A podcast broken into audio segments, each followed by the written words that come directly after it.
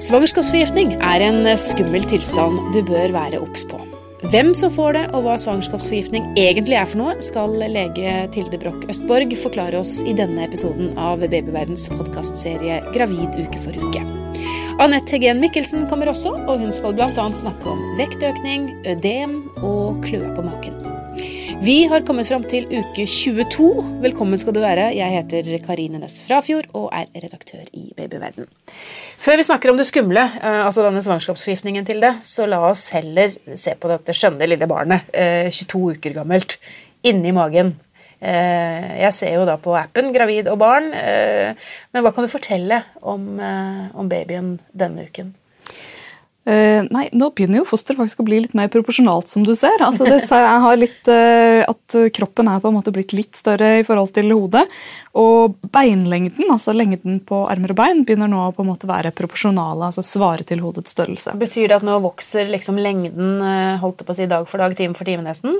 Det gjør det hele veien. Det er jo det som er så fascinerende. Men, men nå er det Eh, tidligere så har hodet på en måte vært enda, mer, eh, enda større i forhold til kroppen, mens nå begynner det å bli litt mer eh, proporsjoner på det. Jeg ser jo fortsatt på dette bildet at uh, hodet er stort. Hodet er stort, mm. og det vil det være i hele prematurperioden. Mm. Mm. Men ellers ser det jo ut som fem tær og nese og øyne og munn og øre sitter der de skal. og Eh, ja, det er, det er ordentlig lite baby. Det gjør det. Mm. Det vi ikke nevnte i forrige uke, er at livmoren til jentefostrene er ferdig utvikla ca. uke 21. Og nå i uke 22 så begynner testiklene, som dannes oppi magen på barnet, å tusle nedover i lyskekanalene mot pungen. Ja. Men eh, det er jo ikke alle som, eh, som fødes med begge testiklene på plass, men det er en utvikling som hos de fleste skjer i fosterlivet at testiklene hos guttebarna dannes helt opp under nyrene, altså helt opp under mellomgulvet, og så vandrer de altså nedover. Ganske fascinerende. Ja, veldig fascinerende. Egentlig så er jo alt dette fascinerende, syns jeg. Eh, det er jo mirakler som skjer inni magen hver eneste uke hele tiden. Um, men dette med svangerskapsforgiftning, som er en tilstand som uh, man kan få uh, Først liksom navnet. Blir man forgiftet? Nei, dette er ikke en, ikke en, forgiftning. Altså Når vi tenker på forgiftning, så er det liksom noe som skjer utenfra, og at det er gift og sånn. Og det er et begrep som, som henger igjen fra gammelt av. Det har nok vært kjent som svangerskapsforgiftning eller ord som ligner på det i Norge i hvert fall i 100-150 år. Ja, akkurat. Men, men, hva er det egentlig, da? Hva er det egentlig? Ja, Det er et kjempegodt spørsmål, fordi det øh, vet man noe om. Men det er fortsatt veldig mye med svangerskapsforgiftning som er ukjent. Vi kan si at det øh, kjennetegnes ved høyt blodtrykk og øh, økt utskillelse av protein eller eggehvitestoff i urinen. Det er på en måte definisjonen. Mm. Har man et blodtrykk som har gått over 140 på 90, altså 140 i overtrykk og 90 i undertrykk, og man har begynt å få protein i urinen, så har man etter definisjonen en svangerskapsforgiftning. Hvor tidlig i svangerskapet pleier man å oppdage dette? da? Det er kjempesjelden at det oppstår så tidlig som uke 22-23. Det er ekstremt sjelden. Og så er det et stort spekter av svangerskapsforgiftning. Eh, de fleste tilfeller forekommer sent i svangerskapet, har et eh, langsomt forløp og ikke store konsekvenser. Men et eh, fåtall forekommer altså rundt, altså rundt levedyktighetsgrensen, altså uke 23-25, og kan ha en raskere og mer alvorlig forløp. Så det, det lev, denne tilstanden lever på en måte under en paraply som vi kaller for svangerskapsforgiftning, men det er veldig veldig stor variasjon i når i svangerskapet det kommer, og hvilke konsekvenser det har. Mm. Men hvis vi går litt tilbake og tenker eh, forebygging, hvem får det? Er det noe man kan gjøre for å unngå det? Mm. Eh, for å unngå det nei.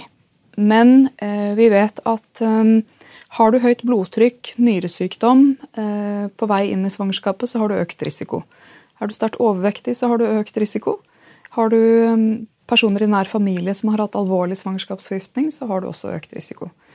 Men, eh, men, i utgangspunktet så, så, oppstår nok de fleste svangerskapsforgiftninger hos, eh, hos, gravide som vi ikke hadde noen mistanke om i utgangspunktet. Og Det er en av grunnene til at blodtrykk og urin sjekkes på hver svangerskapskontroll ja, man går til. Det er dette man ser etter, da, altså, rett og slett? Det Med blodtrykk og urin så er det dette man ser etter. Ja. Og Det gjøres jo på hver svangerskapskontroll og er på en måte langt fremme i bevisstheten til alle jordmødre og, og fødselsleger. Selv om det tross alt bare rammer 3-5 Ja, ok. Men hvordan vet man, eller kjenner man noen symptomer selv på at man, eh, man får dette? Det kan man. Eh, de mest klassiske symptomene er eh, brå vektoppgang eller økning i hevelse i kroppen. Og mange gravide får hevelser i kroppen uten at det er noe farlig, men skjer det raskt eller over kort tid, at man får, føler seg mer hoven i ansiktet, eller det blir økende hevelse i fingre, sånn at det kan bli vanskelig å knytte hendene og sånn, Videre så kan man få hodepine. Ehm, og klassisk sett så sitter den på en måte mest i pannen, men noen kan få en mer utbredt eh, hodepine. Mm. Hva gjør man da? Hvis man, eh, hvis man, har, eh, hvis man får hodepine i svangerskapet, og det vil jo mange få av, av, mange forskjellige årsaker Er det sånn at det på en måte ikke går over med å ha tatt en Paracet og vedvarer i timer eller dager, så bør man oppsøke lege i forhold til å få målt et blodtrykk og i hvert fall utelukket denne tilstanden. Mm, ta med en urinprøve òg, kanskje? eller? Veldig lurt å ta med en urinprøve. Må det være morgenurin? Helst, men det er jo ikke alltid sånn at man eh, planlegger det. da. Så... Men uansett så er det greit å ta med noe? det er greit å ta med noe, men har du glemt det, ingen krise. Vi har alltid glass du kan forbruke. få bruke. Ja, ok. Ja. Så, så, da, så, så, det er symptomer på det som man bør være obs på. Men hvis man får det påvist, da, disse, hvis man er blant disse, var det 3-5 eh, som er noen tusen i løpet av et år i Norge, eh, hva skjer da? Hva skjer da?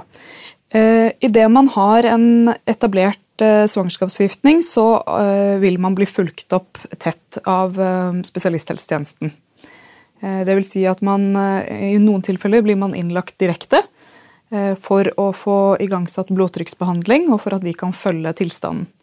Hvis det er mildt og lar seg, blodtrykket lar seg kontrollere med tabletter, og sånn, så, så, kan man gå over til å, å kontrolleres eh, tett eh, uten å være innlagt. Men mange, eh, vil nok, eh, mange som får en svangerskapssykning, vil nok være innlagt i en del av svangerskapet. Og er det slik at eh, eh, vi ser at tilstanden for mor eller barn forverrer seg, så kan det være aktuelt å sette i gang fødselen før tiden mye før tiden, eller hvis man får det til uke 30 f.eks., eller noe sånt? Um, ja, og det tenkte jeg skulle si litt om, er at svangerskapsforgiftning er en tilstand som kan primært ramme mor, eller primært ramme barnet, eller begge deler. Altså Hos noen så ser vi at mor blir uh, syk, men barnet er relativt uh, upåvirket. Hos noen ser vi at barnet påvirkes, for dette har med eh, en del av årsakssammenhengen har med morkakefunksjon å gjøre. Mm og at man ser at barna vokser dårlig. Og hos enkelte så ser vi på en måte symptomer hos begge. Og eh, vi følger jo nøye med på både mor og fosters tilstand da, for å på en måte beslutte når, eh, om og når eh, man må eh, få barnet ut. For det er sånn at det er den endelige behandlingen. Okay. Det vi gjør frem til det, det er på en måte å dempe, dempe symptomer og dempe effekter. Mm. Men den endelige behandlingen for svangerskapsforgiftning det er å få barnet ut. Akkurat. Ja. Og det er klart at det kan eh, I de fleste tilfeller så snakker vi om eh, kanskje igangsettelse nær termin eller, eh, eller noe sånt. Men med en tidlig eller alvorlig svangerskapsgiftning så kan det resultere i en veldig for tidlig fødsel eller keisersnitt. Kan det skade barnet på noen måte? Varig? Eh, det der er et komplisert spørsmål. Eh, de fleste barn som er født av mødre med svangerskapsforgiftning, er helt eh, friske. Bortsett fra det som eventuelt skulle ha med for tidlig fødsel å gjøre. Men de kan ha lavere fødselsvekt. Og så finnes det nyere studier som viser at barn født av mødre med svangerskapsforgiftning har litt økt risiko for hjerte-karsykdom. Men da snakker vi, på, snakker vi på store befolkningsgrupper og sent i livet osv. Så, videre. så i utgangspunktet, så lenge mor og barn både har det, har det, greit etter fødsel, så er det ingen på en måte grunn til å bekymre seg utover det med eventuell for tidlig fødsel. Men Er da mor, når barnet er forløst, eh, er da mor kvitt denne eh, tilstanden, eller er det noe som på en måte hun vil slite med også etter fødsel? Eh, de fleste blir helt friske av sin svangerskapsforgiftning kort tid etter fødsel. Vi følger kvinnene inntil blodtrykk og sånn er normalisert. Og hos noen så har dette vært et høyt blodtrykk i utgangspunktet, som man kanskje ikke oppdaget før man begynte å måle i svangerskapet. Så vet vi at mor har, eh, mor har litt økt risiko for svang, svangerskapsforgiftning i et nytt svangerskap også. Så de vil bli fulgt opp uh, særskilt, hvis er, særlig hvis det er en tidlig svangerskapsforgiftning. Akkurat, så det, Man bør være oppmerksom på at man, hvis man blir gravid på nytt igjen, så vet man at da er man i en risikogruppe. da. Ja. Da er det sånn at eh, svangerskapsforgiftning rammer eh, mest førstegangsfødende. Eh, det er i det første svangerskapet at det er mest, og så er det ikke alle som får det i påfølgende svangerskap. Så motsatt sett så, så kan du si at hvis du har hatt et normalt svangerskap uten svangerskapsforgiftning, så er sannsynligheten for å få det i påfølgende svangerskap liten. De som er mest utsatt, det er de veldig unge eh, gravide. De godt voksne gravide. De med andre sykdommer som vi nevnte. Eh, overvektige har økt risiko. Og så er det noen litt sånn eh, underlige risikofaktorer som vi kanskje ikke så, skjønner så godt. og det er at eh, de som har vært lenge sammen med sin partner, før de, altså hatt ubeskyttet sex lenge med sin partner før de ble gravide, har noe mindre risiko enn de som har et kort Eh, så det har noe det skjønte jeg ingenting av. Nei, nei, det er kjemperart. Ja. Og vi, vi, tror at det kan ha noe med immunforsvaret å gjøre. at Har du på en måte hatt ubeskyttet samleie over tid, så vil kroppen din være mer vant til uh, din, din, partners um, på en måte kropp, da. Eller, ja. så, så det er også sånne litt underlige ting. Akkurat. Um, takk skal du ha, Tilde. Uh, dette med svangerskapsforgiftning vet jeg mange er opptatt av, så vi har laget en egen podkastepisode også på det. Så hvis du søker opp podkasten Babyverden, så kan du høre mer om svangerskapsforgiftning der. Vi tar en liten pause, og så skal vi snakke med jordmor Anette Hegen Mikkelsen etterpå.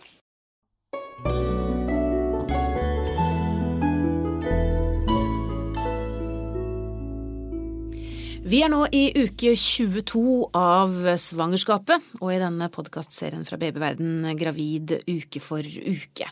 Og vi har også snakket om svangerskapsforgiftning med, med legen vår eh, Tilde. Um, men det er jo mange andre tilstander man kan få i svangerskapet, mange plager, mm. uten at man nødvendigvis er syk. Og da ønsker jeg velkommen til deg, jordmor Anette Hegen Mikkelsen. Takk. For du er litt opptatt av dette, at, eh, at man, ja. man, er ikke nødvendigvis syk selv om man eh, har en del plager, for det får man jo ofte i et svangerskap. Ja, jeg tenker noen ganger at eh, jeg møter kvinner som er litt urealistiske i forhold til hvor kjekke og, og hva skal jeg si for noe, hvor, hvor greit det skal gå i svangerskapet uten å tenke på at det er vanlig at man har en del eh, plager.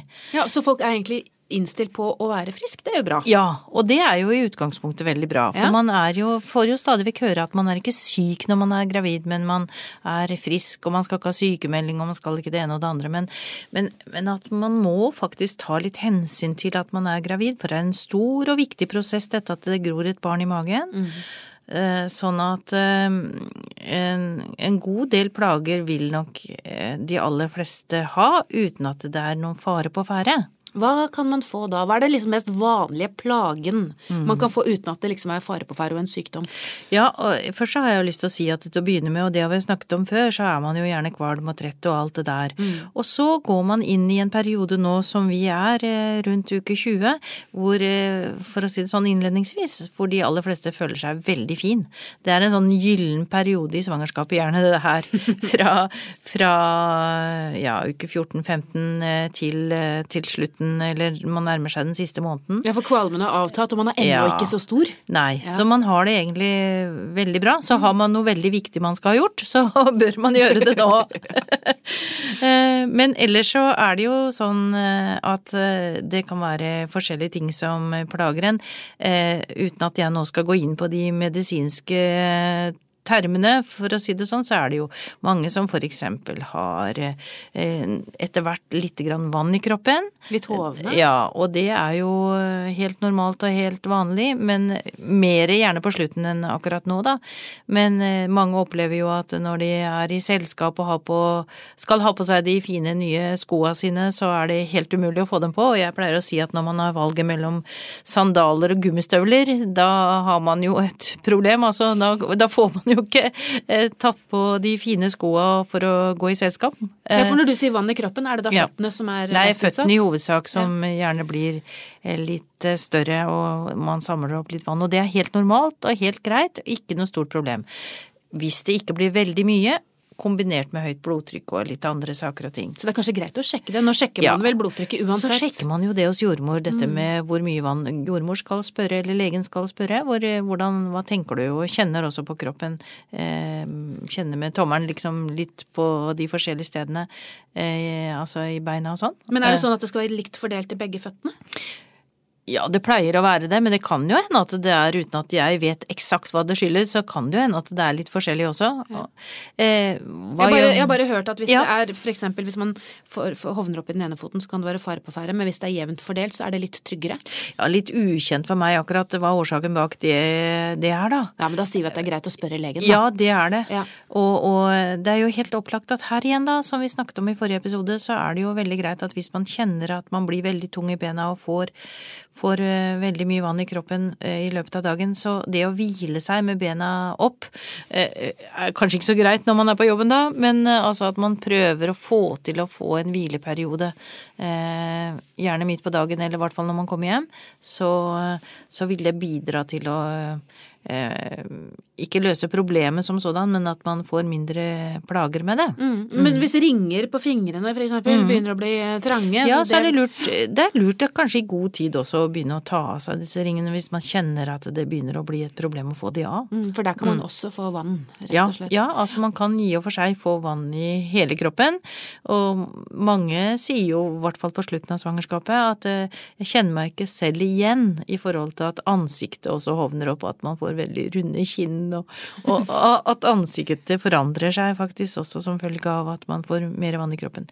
Men det er riktig som du nevner, at hvis det blir for mye, og kombinert med andre ting, som høyt blodtrykk og sånn, så skal man jo ta kontakt med lege eller jordmor, fordi at det, det er en moderat grad er greit, men blir det for mye, så er det ikke greit. Nei, nettopp. Mm. Er det dette som heter ødem? Ja. ja. Vanskelig ord, egentlig. Ja, men det kan man jo støte på, så da vet mm. man hva vi snakker mm. om vann i kroppen. Ja. Og så er det jo ganske mange som opplever at eh, Eller en del, for å si det sånn, som opplever at de klør over hele kroppen og lurer på om de har fått allergi eller om andre saker og ting har skjedd. Og det er også ganske vanlig at man kan få litt kløe på puppene og på magen.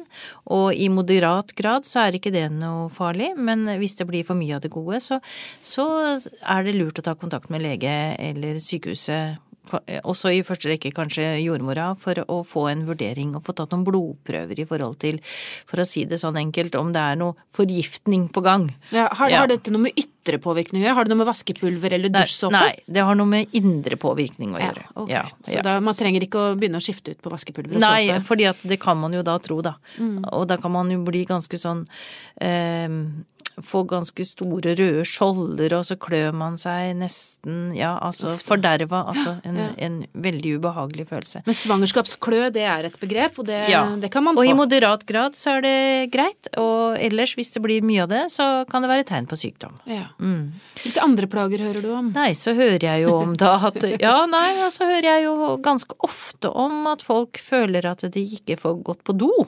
Altså at de blir veldig forstoppa, for mm. å si det sånn. Mm. Og det har rett og slett med at eh, kroppen fungerer sånn at den suger opp mer væske, den suger til seg mer næring når mamma nå er gravid, for at barnet skal få godt med næring, sikre barnet på et vis, da.